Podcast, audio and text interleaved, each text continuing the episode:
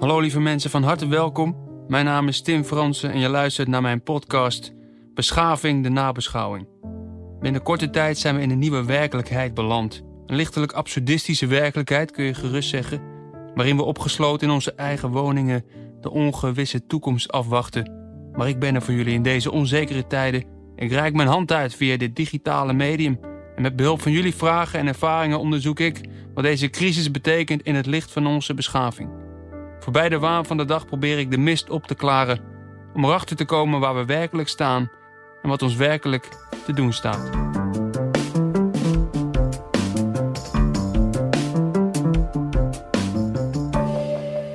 Ja, daar zitten we dan in deze bijna apocalyptische coronasituatie. Lege straten, hele samenlevingen zijn tot stilstand gebracht. Sociale normen radicaal veranderd. Een maand geleden, weet je nog, kon je nog ongegeneerd in iemands gezicht hoesten. En binnen no time werd dat ineens gezien als asociaal. Om maar een voorbeeld te noemen.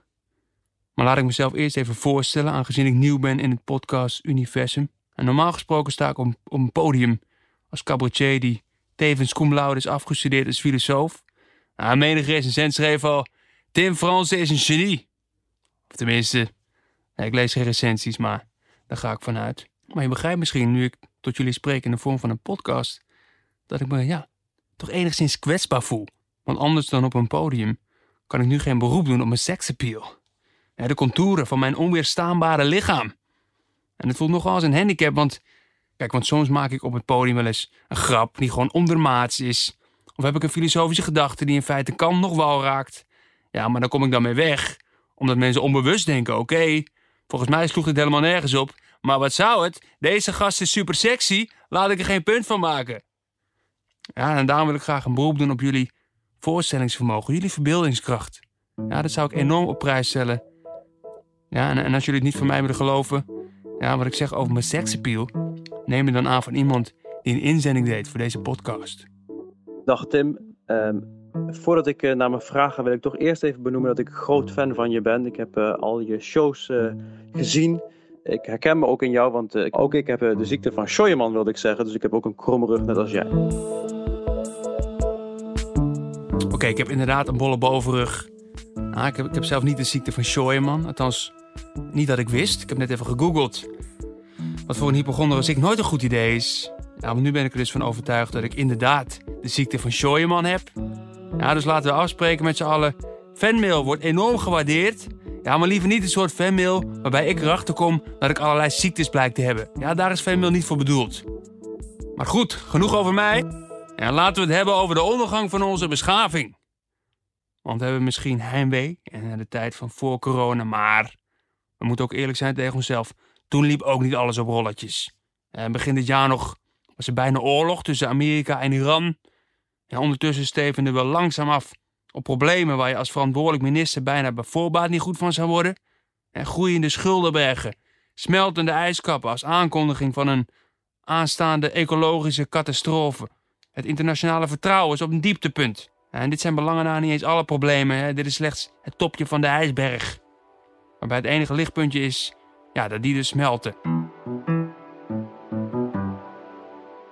En de abrupte breuk met de normale gang van zaken zoals we die nu zien, roept een vraag op, die ik ook in mijn oproep in de Volkskrant aan jullie heb gesteld. Namelijk, is deze coronacrisis het begin van het einde? Of is dit de noodrem die onze beschaving van de afgrond behoedt? Zo zijn er nog talloze andere vragen die aan deze tijd raken. En ik heb jullie opgeroepen, gesmeekt, laten we eerlijk zijn, die met mij te delen. En dat hebben jullie ook gedaan in overvloed, kan ik wel zeggen. Waar ik jullie hartelijk voor wil bedanken. Blijf het ook vooral doen, het liefst via een spraakbericht op het telefoonnummer 064201 2353. En voor deze aflevering heb ik de inzending gekozen van Martin uit Utrecht. Een vraag die zich volgens mij goed leent voor een eerste aflevering, omdat het ons kan helpen om deze virusuitbraak in het juiste perspectief te zien. Dus kom er maar in, Martin. Ik heb de volgende vraag. Ik hoor en lees dat een virus eigenlijk nauwelijks leeft. Het kan zichzelf niet voortplanten. Aan de andere kant dichten we het virus allerlei eigenschappen toe. Dat het iets wil, het wil zich verspreiden. En ik vroeg me af of we daar verstandig aan doen. Ik kan me voorstellen dat het verstandig is om het te doen. Dan hebben we ook iets waar we tegen kunnen vechten. En dat onze tegenstander is en onze vijand kunnen overwinnen. Nou, misschien maken we het daardoor alleen maar erger en groter dan het is.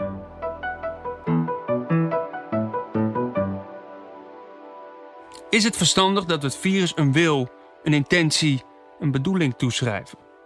Dat vind ik een knijter interessante vraag. En geloof me, ik zeg niet vaak knijter. Ja, ga ik ook voorlopig niet meer doen, denk ik. En aan de oppervlakte lijkt deze vraag misschien niet zoveel te maken te hebben met de staat en de toekomst van onze beschaving. Maar ik hoop dat ik via een omweg kan laten zien dat het, ja, dat het daar in feite alles mee te maken heeft. Om te beginnen, Martin, maak je het terechte punt dat een virus balanceert op het randje van leven en dood. Het kan op zichzelf niet bestaan, het heeft geen eigen stofwisseling. Het kan zich niet voorplanten zonder een drager. Ja, dat zijn wij, inderdaad, geen dank virus. Het heeft geen bewustzijn en dus ook geen wil. Het heeft niet de wil om ons te vernietigen. Het is iets wat toevallig is geëvolueerd en wat zich voortplant op een manier waar wij toevallig de dupe van zijn. Maar het lijkt nu eenmaal een hardnekkige menselijke eigenschap om een bedoeling, een intentie of een doel toe te schrijven aan dingen die dat helemaal niet hebben. Zoals bijvoorbeeld aan uh, het leven. Kijk, nu begrijp ik dat je weinig zieltjes wint als je mensen vrij aan het begin van je podcast de doelloosheid van het leven inpepert. Ja, maar dat hoeft nog helemaal geen slecht nieuws te betekenen en de hoop is hiermee nog, nog lang niet verloren. Want dit is toch waar ik wil beginnen, bij het feit dat we onderdeel zijn van een kosmos die, net als dit virus, volstrekt onverschillig staat tegenover ons bestaan. Sterker nog, een kosmos die leven niet bepaald lijkt aan te moedigen. Het universum is onherbergzaam, de voorwaarden voor leven zijn bijna nergens te vinden. Er geen zuurstof, er bijna nergens een aangenaam temperatuurtje, er geen water, laat staan bruisend water met de smaak van appel kiwi. Nou, die vind ik zelf lekker. En als het leven een keer wel ontstaat, heb je ook nog eens grote kans dat het vroeg of laat wordt vernietigd. Bijvoorbeeld door de explosie van een grote ster in de buurt, een supernova. Het leven op aarde tart in feite alle wetten van waarschijnlijkheid. Er moeten tientallen, zo niet honderden muntjes de goede kant op vallen. En wist je bijvoorbeeld, dit las ik onlangs, vond ik fascinerend, knijter fascinerend zou ik bijna willen zeggen, maar ik hou me in, dat wij ons bestaan mede te danken hebben aan Jupiter. als je vanaf de zon de metro zou nemen, dan is de eerste halte Mercurius, dan kom je langs Venus, dan de aarde, dan komt Mars en na Mars komt Jupiter. En Jupiter is een knoepert van een planeet en de grootste planeet van ons zonnestelsel. En de, de aarde past ongeveer 1300 keer in Jupiter. Of tenminste, ervan uitgaande dat Jupiter van binnen helemaal hol zou zijn. Wat volgens mij niet het geval is. Jupiter heeft door zijn gigantische massa ook een gigantische zwaartekracht. En die dingen gaan samen. Massa trekt dingen aan. En dat is ook de reden dat Robert Jensen nog steeds kijkers heeft. Dus waarom danken we ons bestaan aan Jupiter? Ik zou je zeggen waarom. Er vliegen allerlei asteroïden door de kosmos die aan het leven hier op aarde abrupt een einde kunnen maken. En waren het niet dat Jupiter de rol van bodyguard op zich heeft genomen. En bodyguard met een soort stofzuiger die met zijn zwaartekracht al die asteroïden aantrekt en opvangt en, en terug de kosmos inslingert. Ja, mensen. Dus misschien kunnen we vanavond om 8 uur ook even klappen voor Jupiter. Hij lijkt me ook een van de ondergewaardeerde helden. Als ik, als ik even een zijpad mag bewandelen, als jullie me dat toestaan. Want ik vind het beeld van een bodyguard met een stofzuiger mooi. Ik moet, ik moet denken aan de beveiliger bij mijn supermarkt. En ik heb altijd al met hem te doen gehad. Ja, want de verveling was altijd al van zijn gezicht te lezen. En, dit is een kerel, met je gemillimeterd haar, ongeveer 91 meter lang, 91 meter breed. Hij heeft nu dus een nieuwe taak. Sterker nog, dit is nu, dit is nu zijn enige taak. Hij moet nu met een desinfecterend doekje winkelwagentjes schoonmaken. En hij kijkt nog ongelukkiger dan voorheen. En ik snap het ook. Het is een heel lullig beeld. Een gast die zo breed en gespierd is, om die met een doekje te zien poetsen. Sowieso qua spiermassa is hij voor deze functie zwaar overgekwalificeerd. Ja, je, ziet gewoon dat zijn zelfbeeld een klap heeft moeten incasseren. En ik zou hem een hart onder de riem willen steken. Ik zou willen zeggen, ik, ik voel je pijn, vriend. wat, denk je dat er met mijn zelfbeeld is gebeurd? Vroeger klapten mensen voor mij om acht uur als ik het podium op kon lopen. mensen lachten op mijn grappen. Ja, jij hebt tenminste nog een vitaal beroep. Mijn beroep bleek van de een op de andere dag totaal overbodig. Ja, nu maak ik een podcast. Ja, geen applaus aan het begin, geen lach als ik een grap maak. Ja, ik zit maar een beetje te lullen in mijn woonkamer, alsof, alsof ik woorden een vacuüm inslinger terwijl ik zwijgzaam word aangestaard door afwas die gedaan moet worden. En weet je hoe dat voelt? Ik zal je zeggen hoe dat voelt. Het voelt als die ene keer dat ik moest optreden in Steenwijk.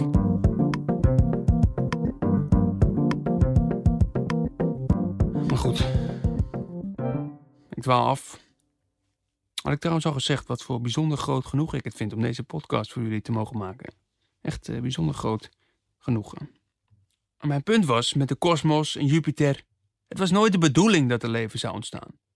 Het was ook niet, niet de bedoeling, maar het, ja, het gebeurde gewoon bij een hoogst onwaarschijnlijk toeval.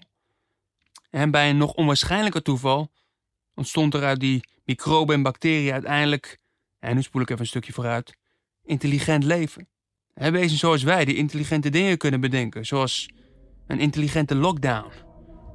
Nou, maar nog altijd wezen zonder oorspronkelijke bedoeling. Wacht even, ik doe even de balkondeur dicht. Nou,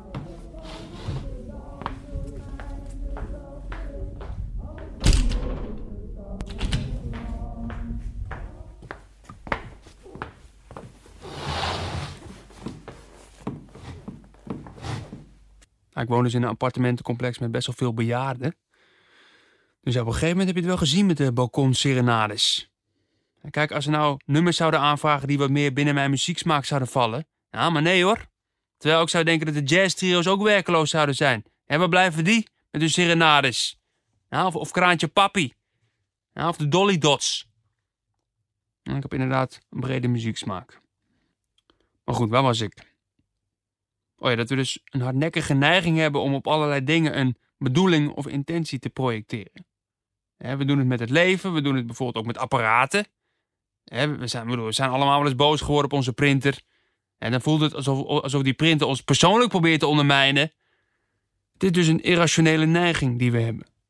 Irrationeel betekent nog niet noodzakelijk, ook nutteloos. Sterker nog, het feit dat we met die irrationaliteit zitten opgeschreven betekent dat het waarschijnlijk een functie heeft gehad gedurende onze miljoenen jaren durende evolutie. En je weet wel dat deel dat ik net eventjes doorspoelde, omdat het super saai is.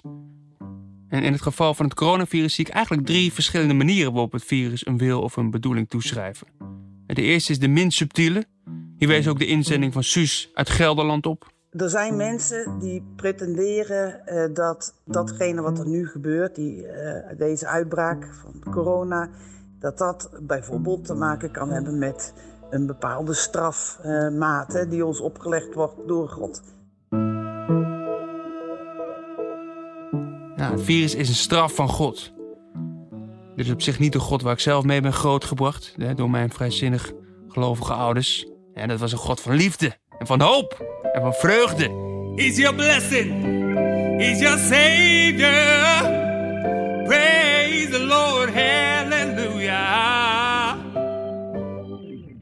er is inderdaad een groot gospelzanger aan mij verloren gegaan. Maar de opvatting dat het virus een straf is van God viel bijvoorbeeld te lezen in het Reformatorisch Dagblad. Ik citeer: Het coronavirus is een middel in Gods hand. Hij zendt ziekten zoals ooit de plagen in Egypte om de mens tot inkeer te brengen. Einde citaat. Nou ja, zou misschien kunnen toch? En dat God denkt, eh, nou, 2000 jaar geleden heb ik mijn zoon gestuurd met een liefdevolle boodschap. Nou, dat heeft overduidelijk niet gewerkt. Ja, dit keer gooi ik het even over een andere boeg. Dit keer laat ik iemand een vleermuis neuken.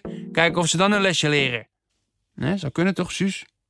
Ja, wat, vind jij van dat soort opvattingen? Ik vind ze, vind ze dom, ik vind ze ongenuanceerd, ik vind ze te makkelijk. Ik vind ze ook soms buitengewoon schadelijk, ik vind het jammer. Oké, helder. Dan is er een tweede manier waarop het virus een bedoeling toeschrijven. Die zie je terug in allerlei complottheorieën die de kop opsteken. En bijvoorbeeld dat China het virus zou hebben ontwikkeld, of dat de 5G-lobby erachter zit, of dat overheden dit virus in de wereld hebben gebracht om onze vrijheid te ontnemen. Goed, laten we daar niet altijd diep op ingaan, want ik heb nog meer te doen. Nou, is niet waar eigenlijk. Ik heb eigenlijk geen reden te doen de komende maanden. Nou, tegen jullie praten. Dat is alles wat ik nog heb. Het enige wat ik over wil zeggen, en dat is over de aantrekkingskracht van dit soort complottheorieën. Want paradoxaal genoeg heeft het iets heel geruststellends om te geloven dat de een of andere kwaadwillende macht achter dit virus zit. En kwade macht kun je ontmaskeren, die kun je verslaan. Daarmee is het een stuk geruststellender dan geloven dat we in een kosmos leven met exploderende supernova's en organismen die zonder enige reden tot dodelijke virussen muteren. En hiermee kom ik bij de derde en laatste manier waarop het virus een wil of een intentie toeschrijven. En want de religieuze verklaringen en de complottheorieën zijn behoorlijk obscuur. Maar er is nog een derde, meer subtiele manier die ja, vrijwel de meeste mensen lijken te geloven. Hier had Martin het over. Het virus is niet de wil van God. Het is ook niet de wil van kwaadaardige mensen. Nee, we projecteren op het virus zelf een wil. En net, net als de printer die ons persoonlijk probeert te ondermijnen, is het virus erop uit om ons te vernietigen. En dus zijn we in oorlog met het virus. dit lijkt het gangbare frame dat we hebben gekozen. Het is een oorlogssituatie met een virus dat onze vijand is. De oorlogsretoriek vliegt je om de oren. Ik zou bijna willen zeggen als een artilleriebarrage. We hebben het over onze zorgmedewerkers en vakkenvullers aan het front. Trump noemt zichzelf een wartime president. Macron zei: We zijn in een gezondheidsoorlog en de vijand is hier. Of tenminste, hij zei het in het Frans natuurlijk. We zijn in een gezondheidsoorlog en de vijand is hier. Hier in Nederland hebben we hoogleraar Marion Koopmans, die namens Nederland bij de World Health Organization zit. En die zegt in een stuk in de Volkskrant, ik citeer... We hebben te maken gehad met een bombardement uit Italië. Letterlijk een bombardement van virussen via reizigers. Einde citaat. Aha, ze benadrukken ook nog even letterlijk een bombardement van virussen via reizigers. dus niet alleen een bombardement in metaforische zin, nee, echt letterlijk. Oké. Dat was dan waarschijnlijk toen op die ene maandag om 12 uur. Toen hoorde ik al het luchtalarm klinken, maar ik dacht het zou wel gewoon een test zijn. En nu begrijp ik dat het Italiaanse bommenwerpers moeten zijn geweest. Die met virusbesmette reizigers boven ons land hebben gedropt. Is dat hoe we met elkaar omgaan in Europa? Is, is dat hoe we met virusbesmette mensen omgaan? Ja, en, en dan is Italië boos op ons, hè, omdat, wij geen solidariteit betonen. Wie, wie bombardeert wie nou? En ik zie wel de aantrekkingskracht van de oorlogsretoriek. Het virus bestempelen als de kwaadwillige vijand mobiliseert ons, het motiveert ons. En het frame van een oorlogssituatie biedt ook een heldere rechtvaardiging voor de grote vrijheidsbeperkingen die nodig zijn om het virus in te dammen. ik bedoel, iedereen begrijpt dat je tijdens een oorlog even niet naar de kapper kunt. of naar yoga. Wat tragisch is, want als er één situatie is waarin je innerlijke rust wordt verstoord en je chakras uit balans raken, dan is het wel tijdens een oorlog. En laat dat nu net de situatie zijn waarin je niet naar yoga kunt. dat is een van de pijnlijke paradoxen van dit bestaan. Zeker voor leiders als Trump is het begrijpelijk waarom ze het presenteren als een oorlogssituatie. In een oorlog draait het om onvoorwaardelijke loyaliteit. We hebben immers een gezamenlijke vijand en we kunnen ons geen onderlinge oneenigheid permitteren. En voor veel leiders geldt inderdaad dat hun populariteit sinds deze crisis flink is gestegen. En toch heb ik mijn twijfels of het verstandig is om dit vreemd te gebruiken. Te beginnen met loyaliteit. Onvoorwaardelijke loyaliteit biedt weinig ruimte aan kritische stemmen.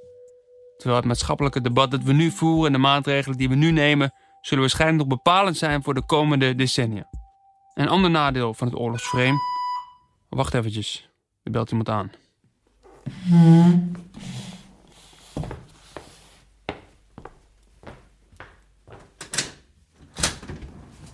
Hey, goedenavond, uw bestelling. Oh, relax man, hier heb ik zin in. Dankjewel. Ja, hey, deze is voor jou man. oh, dankjewel. Geen drugs verkopen, hè? Nee.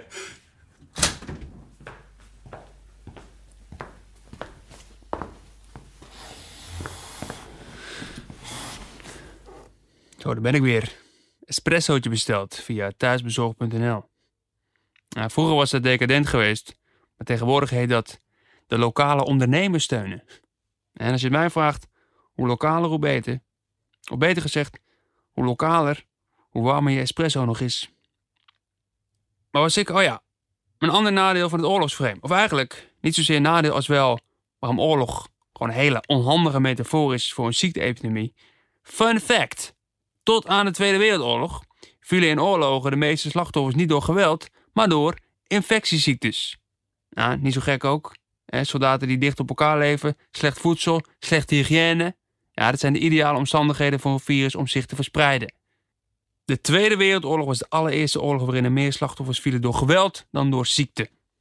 Enerzijds omdat de geneeskunde vooruit was gegaan, anderzijds omdat we effectievere manieren hadden gevonden om onze medemens om zeep te helpen.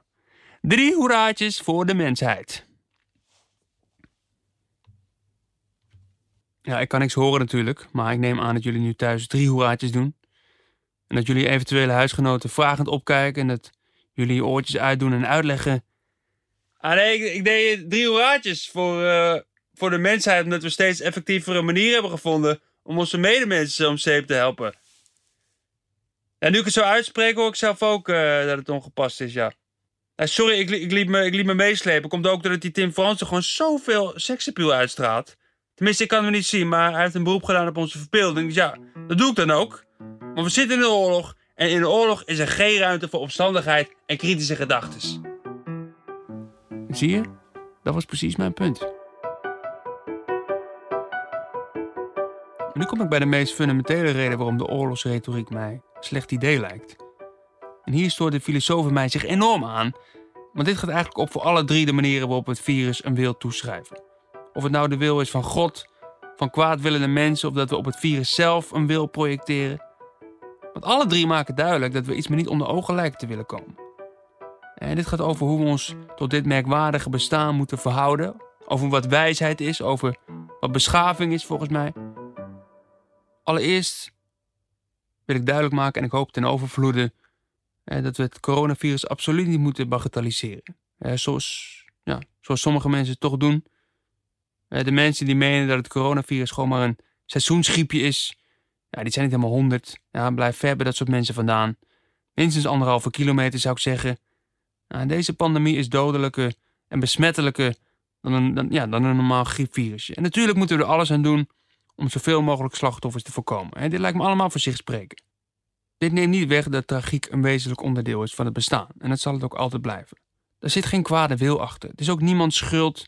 Dat is gewoon een gegeven. Als je vandaag in Nederland overlijdt, of waar dan ook ter wereld, en ik hoop van niet. Nou, probeer toch een beetje een luisteraarspubliek op te bouwen. Maar als het zou gebeuren, dan is de kans nog altijd een stuk groter dat je aan iets anders overlijdt dan aan corona. Want dat is niet de indruk die je krijgt als je het nieuws volgt. En de indruk die je krijgt is dat als we de oorlog van het coronavirus hebben gewonnen, dat de dreiging van de dood dan geweken is. Het lijkt wel alsof veel mensen het gevoel hebben dat wat er nu gebeurt eigenlijk niet zou mogen gebeuren. En het feit dat het wel gebeurt, dat moet daarom wel betekenen dat er een of andere kwade wil achter schuilt. Of het nou de wil is van een god, een regering of van het virus zelf. Maar in zekere zin is het precies andersom. En niet deze situatie is uitzonderlijk. Wat uitzonderlijk is, dat is de ongekende voorspoed die we de afgelopen decennia hebben meegemaakt. En niet alleen vanuit kosmisch perspectief, het feit dat er in de zuurstofloze melkweg een beschaving is ontstaan die überhaupt ontregeld kan raken, maar ook vanuit historisch perspectief. En gedurende de 200.000-jarige geschiedenis van de mens zijn we constant geteisterd door hongersnood, oorlog en stonden we weerloos tegenover vrijwel elke ziekte. Zelfs vanuit mondiaal perspectief. Want er zijn nog altijd grote delen op de wereld waar de ontregeling van de samenleving niks vreemds is. Bijvoorbeeld Oost-Afrika, dat op dit moment in de greep is van een ongekende sprinkhanenplaag. Nou, geloof me, als je het over hamster hebt, dan is een sprinkhanenplaag echt wel next level. Zou het kunnen dat we daarom ook zo laks zijn omgesprongen met de dreigingen die op ons afkwamen, zoals klimaatverandering? En we snapten dat het een probleem kon worden, maar we konden ons niet echt voorstellen dat ons iets ergs zou overkomen. En dus maakten we ons meer druk over wie van een groepje halfbekende Nederlanders de mol is. Waar we zelfs hele praatprogramma's aan besteden van mijn belastingcenten. Ja, daar zat iets van persoonlijke frustratie bij, ja. Ja, maar het feit dat ik daar jaar na jaar, na jaar na jaar niet voor ben gevraagd, heeft er helemaal niks mee te maken. Nou, in elk geval niet alles. Laat ik nog één keer het perspectief van de kosmos innemen. Ik ga geen zoete broodjes bakken. Dat perspectief bevat een onaangename waarheid. Misschien wel de meest bepalende natuurwet in deze wereld en deze kosmos is de tweede wet van de thermodynamica. Die wet beschrijft een onvermijdelijke tendens van orde naar chaos, van orde naar verval. Een ander woord hiervoor is entropie. Bijvoorbeeld, als een ei op de grond valt, dan is het kapot. Maar de kans dat als je een kapot ei op de grond gooit en er dan ineens weer een heel ei is, die is nagenoeg nul. Dat is de tendens naar verval. Een ei kan wel breken, maar hij kan als het ware niet ontbreken. Of nou ja, als je laat zoals ik tiramisu wil maken en je vergeet er een ei bij te doen, dan kan een ei ontbreken. Ja, maar dat is een ander verhaal. En deze tweede wet van de thermodynamica is onverbiddelijk. Ons eigen lichaam is onderhevig aan verval. Onze zon zal ooit uitdoven. Sterker nog, het hele universum zal ooit uitdoven tot een koude, donkere, doodstille plek. Dat is de wereld waarin we leven. Een wereld met ziekte en ouderdom. Allemaal zonder kwade bedoelingen. Dat is de menselijke conditie. De menselijke conditie is geen vijand die we kunnen overwinnen. Het is iets waar we ons mee moeten verzoenen, die we hier en daar kunnen verzachten. En volgens mij is dat ook wat beschaving is: het verzachten van de menselijke conditie. Dus deze crisis zou ons volgens mij aan twee dingen moeten herinneren. Ten eerste dat beschaving iets breekbaars is waar we zorg voor moeten dragen. Iets wat we nooit in te nemen voor lief mogen nemen. Ten tweede dat er onvermijdelijk een punt komt waarop we machteloos komen te staan tegenover het noodlot. Een punt waarop ook de moderne geneeskunde ons niet meer kan redden. En dat is kloten, maar ja, dat was wel vanaf het begin af aan de deal. En als het zover is, dan kunnen we volgens mij alleen maar hopen dat we genoeg van het wonder hebben genoten toen het meezat. En dat we genoeg elkaars hand hebben vastgehouden toen het tegenzat. Amen. Say amen, brothers and sisters. Dus beste Martin, samenvattend. Ik snap de aantrekkingskracht om het virus een wil toe te schrijven, maar ik vind het niet van wijsheid getuigen. Sterker nog, het feit dat we dit virus een kwade wil toedichten, is een symptoom. Het laat zien dat we van de ene naar de andere illusie vluchten. En zeker met het oog op de toekomst denk ik niet dat we ons dit soort illusies nog kunnen permitteren.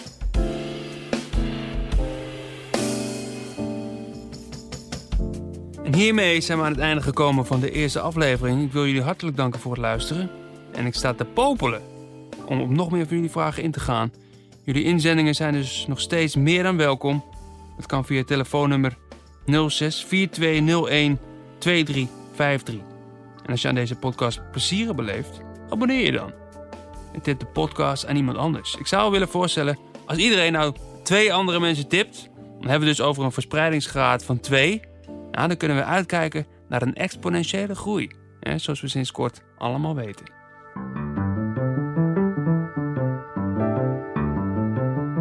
Deze podcast werd gemaakt met de onmisbare hulp van de volgende mensen. Ricky Bartels deed de montage.